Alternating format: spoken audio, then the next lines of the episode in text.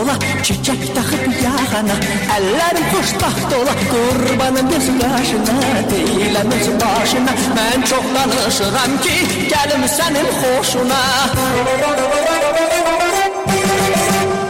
Buradan sizin qapıya tək elçilərim düzürlər Toya kimi sən küsməsən toydan sonra düzələr Buradan sizin qapıya tək elçilərim düzürlər Toya kimi sən küsməsən toydan sonra düzələr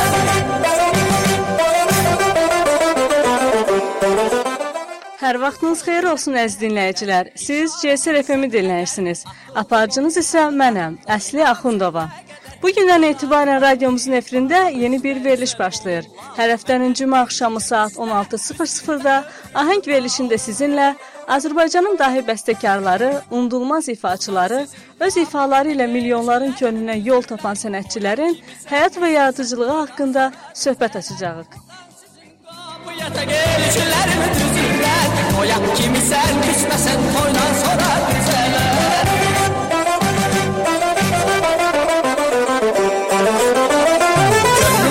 Verilişimizin ilk təqdimatı ifasından da bəlli olduğu kimi Azərbaycan Rusiyadakı fövqəladə və səlahiyyətli səfiri, sabiq mədəniyyət naziri, Azərbaycanın xalq artisti Polad Bülbüloğlu barəsindədir. O Polad Bülbüloğlu ki, özünə məxsus səsi və oxu tərzi bir çox həvəssiz ifaları, mahnıları ilə geniş tamaşaçı auditoriyasının rəğbətini qazanıb. Sonra Buradan sizin kapıya da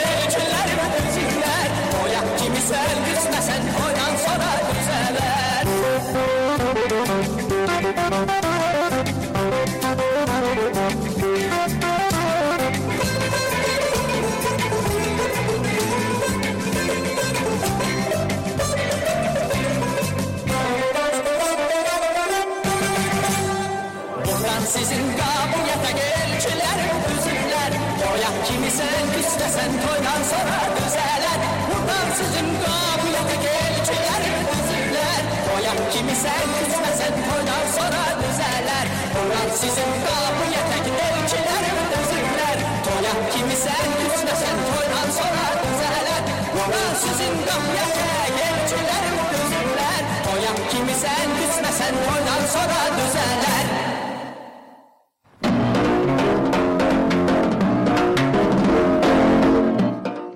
1945-ci il fevralın 4-də məşhur müğənni Bülbülün ailəsində doğulub. Poladın uşaqlıq dövrü Bakı ilə yanaşı həm də Qafqazın konservatoriyası Şuşada keçib. İlk dəfə böyük səhnəyə 1960-cı ildə 15 yaşında olaraq çıxaraq atasını müşayiət edib. Мчатся, сверкая реки с детства влюблен навеки Я в твою весну, Азербайджан Девушек прекрасней наших в целом мире нет. В песнях их воспел недаром ни один поэт. Озеро Гейдель зовется жемчугом в горах Краем соловьев зовется гордый Карабах В шапках белоснежных горы небо взметнулись гордо. Солнце дарит молодость садам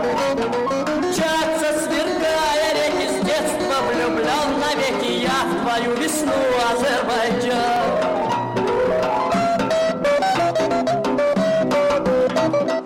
Bir il sonra Polad atasını itirir. O bitkidən nə qədər sarsılsa da, öz sənət yolunda irələm irəliləməyə davam edir. Polad həmin illəri xatırlayarkən, mən atamı çox sevirdim. Əlbəttə, 16 yaşı tamam olmamış bir oğlana atasını itirmək çox ağır idi deyib. Древняя Генжа Нет конца у этой песни, потому что в ней Все слова идут от сердца, а земле моей В шапках белоснежных горы в небо взметнулись гордо. Солнце дарит молодость садам. Мчатся, сверкая реки с детства влюблен навеки Я в твою весну, Азербайджан. Вечно юный край Азербайджан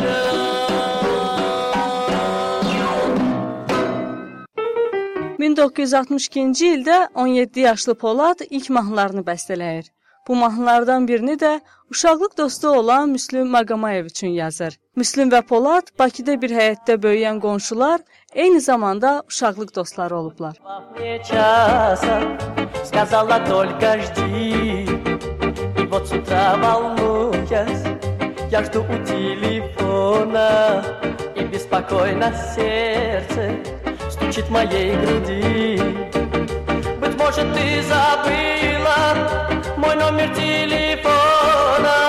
Быть может ты смеешься Над верностью моей. Но я не понимаю Зачем ты так сердита Ну перестань смеяться. И позвони скорее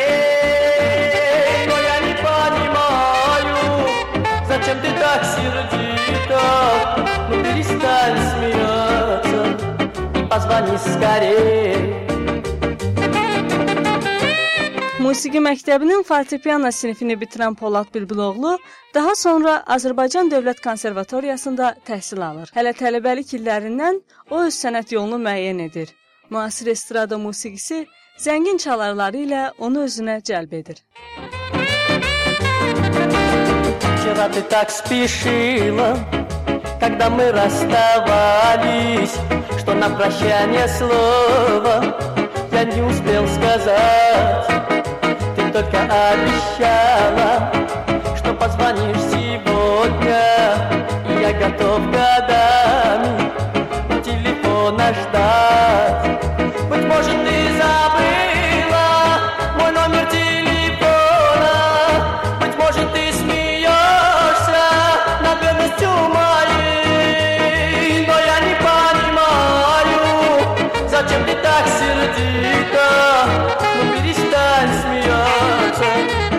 Позвони скорей, но я не понимаю, зачем ты так сердита, ну перестань смеяться и позвони скорей.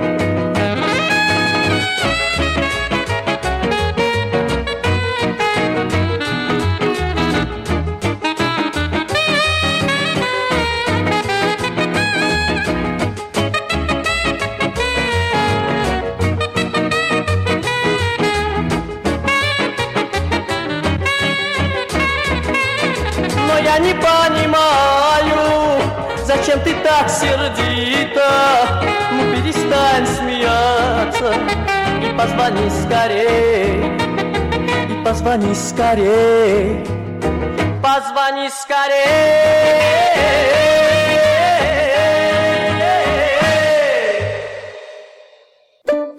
Polad Azərbaycan estradasına böyük yeniliklər gətirir və müasir ritmləri milli melodiyalarla sintez edərək böyük uğurlar əldə edir. Ardıcıl imza atılan nailiyyətlər gərgin əməyin, fitri istedadın və musiqiyə olan məhəbbətin göstəricisi idi. Şelalenin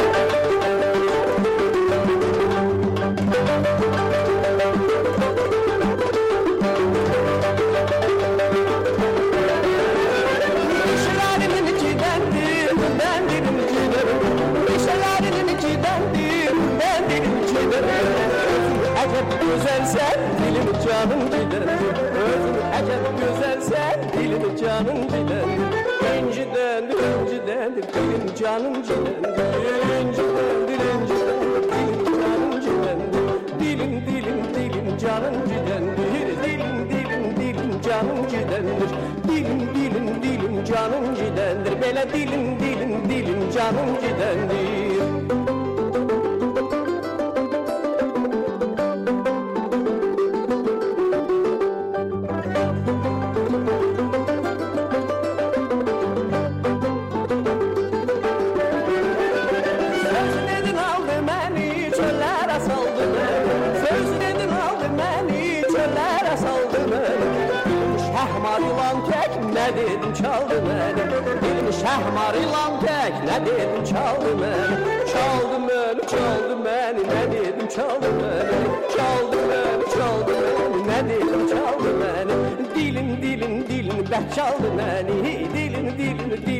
çaldın məni dilin dilin dilin bək çaldın məni belə dilin dilin dilin bək çaldın məni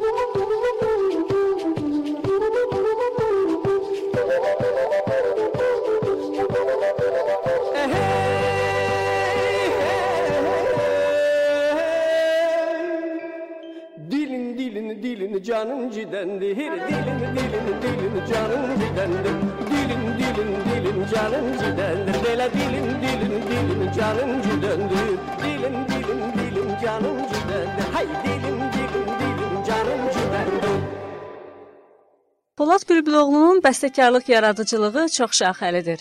O nəhəng simfonik əsərlər, kamera instrumental, musiqi, vokal ifalar, kinofilmlərə və teatr tamaşalarına musiqilər yaradıb. Təbii ki, ailəsinin musiqi ənənəsinin buna öz təsiri olub.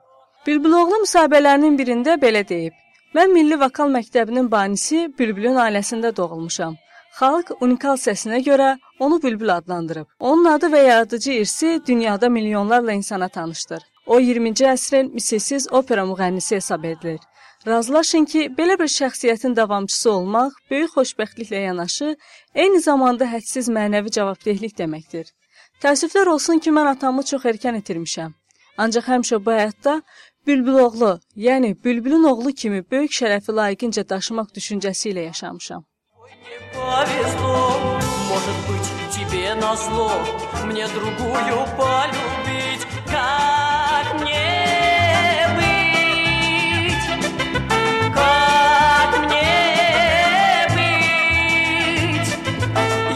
Теперь даже дня. Тебя не прожить. Вдруг не полюбишь меня. Как же тогда мне быть?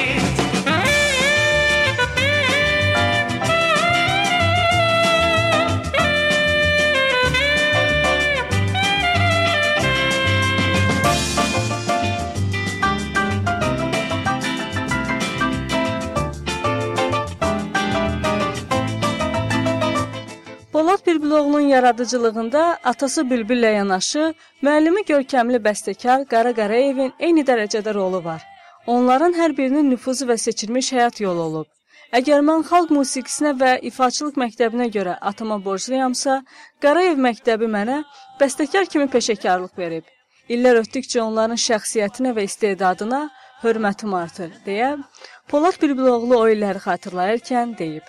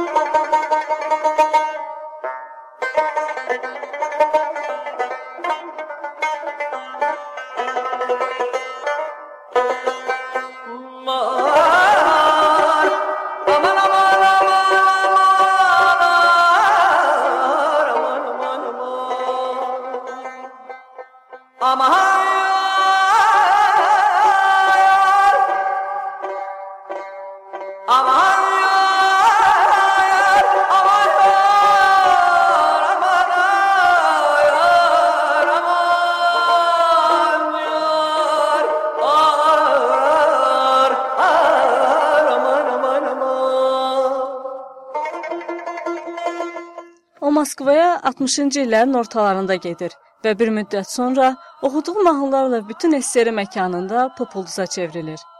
Tahir Abbaslı Mədəniyyət kitabında qeyd edib ki, Sovetlərin müttəfiq respublikalarını tək elə idarə siyasət aspektindən yox, həm də mədəniyyət sardan yönləndirən Moskvanın qəlbində Azərbaycan musiqisi 60-cı illərdən başlayaraq əsasən iki adla ehtiva olunurdu. Müslüm Maqamayev və Polad Bülbüloğlu. Tahir Abbaslı bunda vurğulayır ki, onların həyatda dostluq, sənətdə duallıq tandemi də ayrıca bir yaradıcılıq hadisəsi, əsər mövzusudur. До края жизни песней удойди. Как жили мы, борясь, и смерти не боясь, Так и отныне жить тебе и мне. В небесной вышине и в горной тишине, морской волне и в яростном огне. Как жили мы, борясь, и смерти не боясь, Так и отныне жить тебе и мне. В небесной вышине и в горной тишине, морской волне и в яростном огне и в яростном, и в яростном огне. Polad Bülbüloğlu'nun əsl ulduzu 1981-ci ildə Lev Drovla birlikdə çəkildiyi Qorxma, mən səninləyəm filmi ilə parlayır. Bu ekran əsərində müğənni həm də parlaq aktyorluq istedadını nümayiş etdirir. Любовь, надежду, веру, новый путь Не может зло отнять нас с тобою. Как счастье жить то радостью, то болью И смерть сама не в силах зачеркнуть. Как жили мы, борясь, и смерти не боясь Так и отныне жить тебе и мне. В небесной вышине и в горной тишине, в морской волне и в яростном огне. Как жили мы, борясь и смерти не боясь, так и отныне жить тебе и мне. В небесной вышине и в горной тишине, морской волне и в яростном огне. И в яростном, и в яростном огне.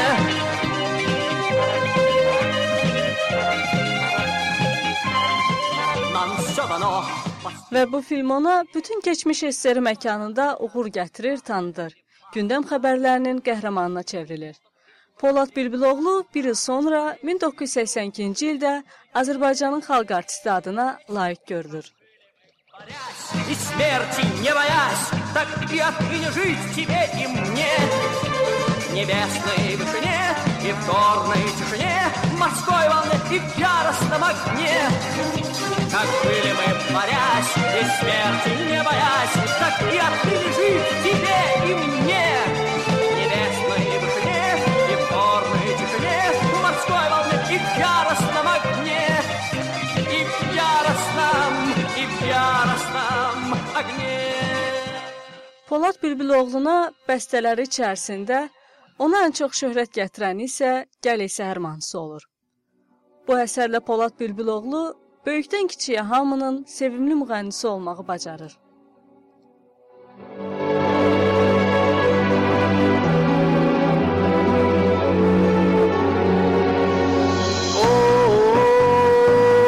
Oh gözler kimi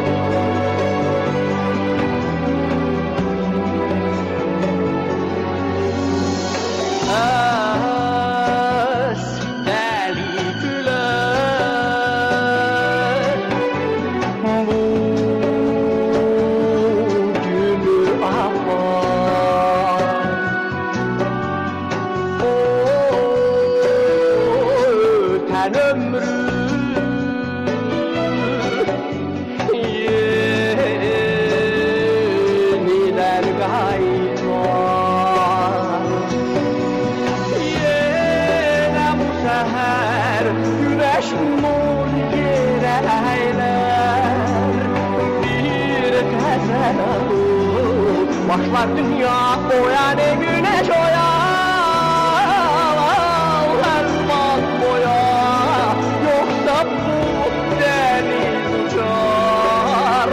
Bir zulme gece deniz kaçar. Geleysen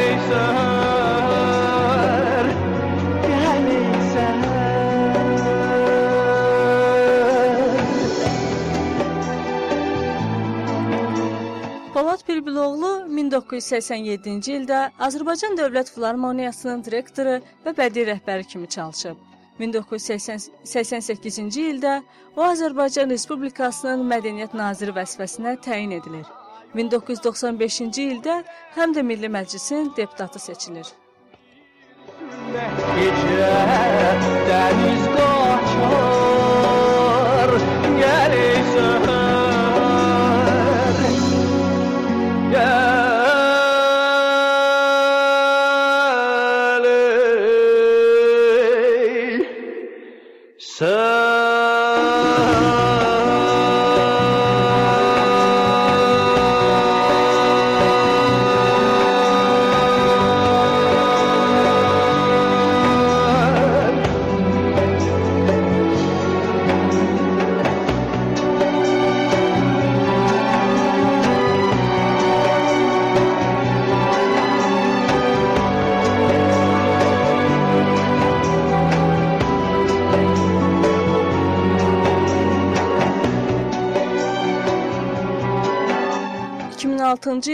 Mədəniyyət naziri postundan azad edilən Polad Bülbüloğlu həmin ildən indiyədək Azərbaycan Respublikasının Rusiyada Rusiya Federasiyasındakı fövqəladə və səlahiyyətli səfiri vəzifəsində çalışır.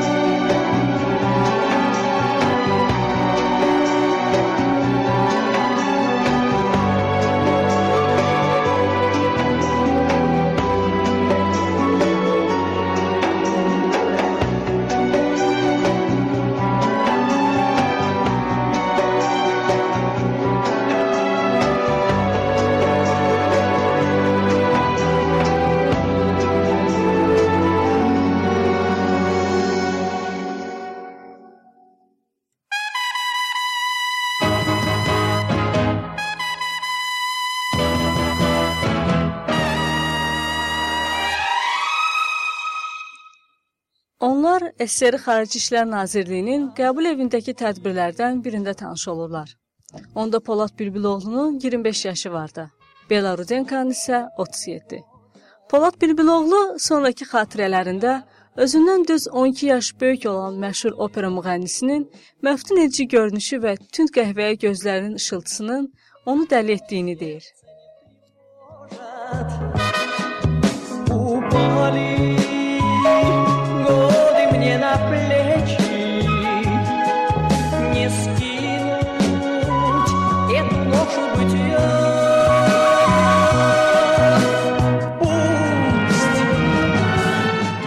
Beləcə Bella Rudenka bütün həyatının kişisi hesab edəcəyi tanınmış müğənni və bəstəkar Polad Bülbüloğlu ilə tanış olur.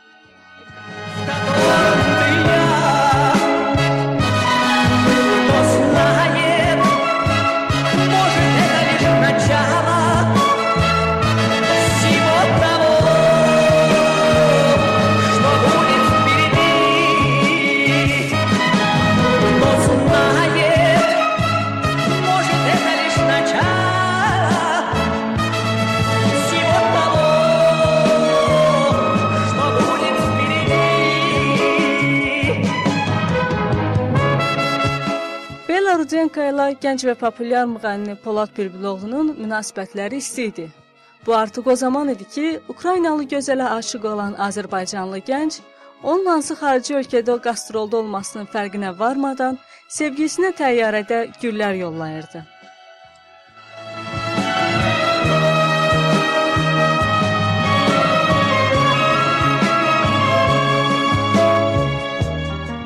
Nəhayət, müəyyən bir məqamda Bella Rudenka Polad Bülbüloğlu ilə nikaha girməyə razı oldu. Tezliklə onların bir oğul övladları oldu. 1975-ci ildə doğulan oğlana Temir adı qoyuldu. Ни нежностью, ни ропотом гроз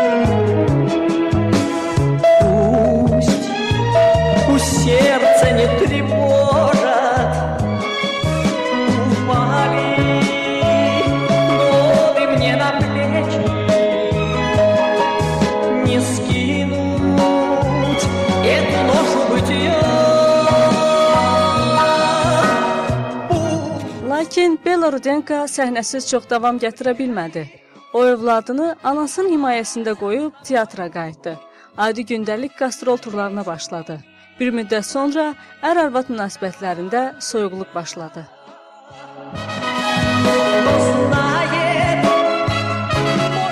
Bu evlilik 12 il sürdü. İki məşhur müğənni ayrılmalı oldular. Boşanma ictimai qalmaqal xarakter daşımırdı. Uşaq anası ilə qalsa da, Bella xanım oğlunun atası ilə görüşməyinə mane olmurdu.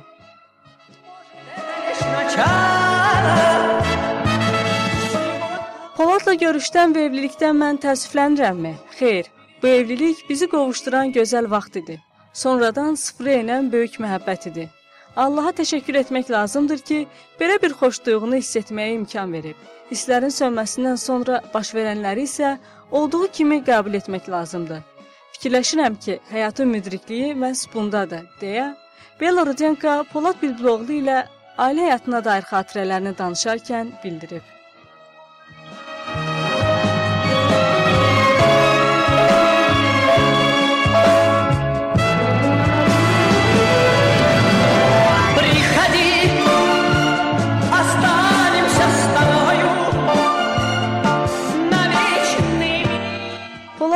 Bülbüloğlu'nun ikinci evliliyi o mədəniyyət naziri vəzifəsində işləyərkən olub. Məlumatlara görə Günara Şıxəliyeva Polad Bülbüloğlu nazir işləyərkən onun referantı olub. Münasibətləri də buradan başlayıb. Beləcə Polad Bülbüloğlu ailə xoşbəxtliyini ikinci evlilikdə tapır.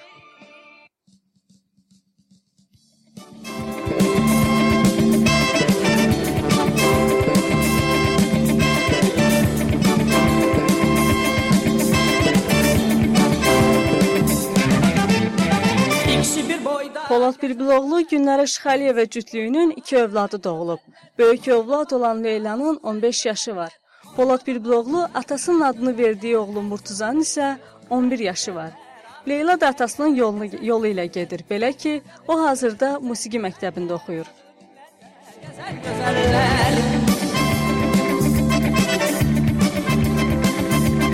Eyvana gel Belə əziz dinləyicilər, bu günlük bu qədər. Bu efrimizdə tanınmış bəstəkar və ifaçı, nazir postunda ən çox xidmət etmiş şəxs, Azərbaycan Rusiyadakı fövqəladə və səlahiyyətli səfiri, sabiq mədəniyyət naziri, Azərbaycanın xalq artisti Polad Bülbüloğlu barəsində söhbət açdıq. Sizinlə həm söhbət mən idim, Əsli Axundova. Növbəti efirlərdə eşidilmək ümidi ilə Xudahafiz. Aşık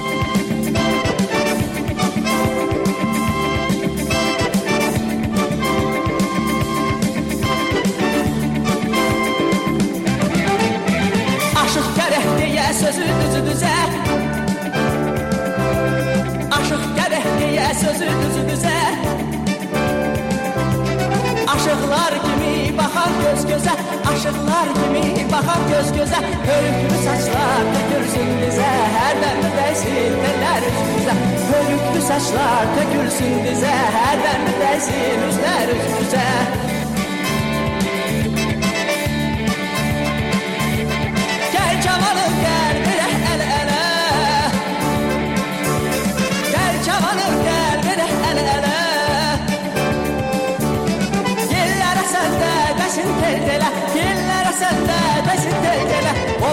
ömrə necə sevsənə gələ üz-üzə necə güllə Qovuşaq ömrə necə sevsənə gələ üz-üzə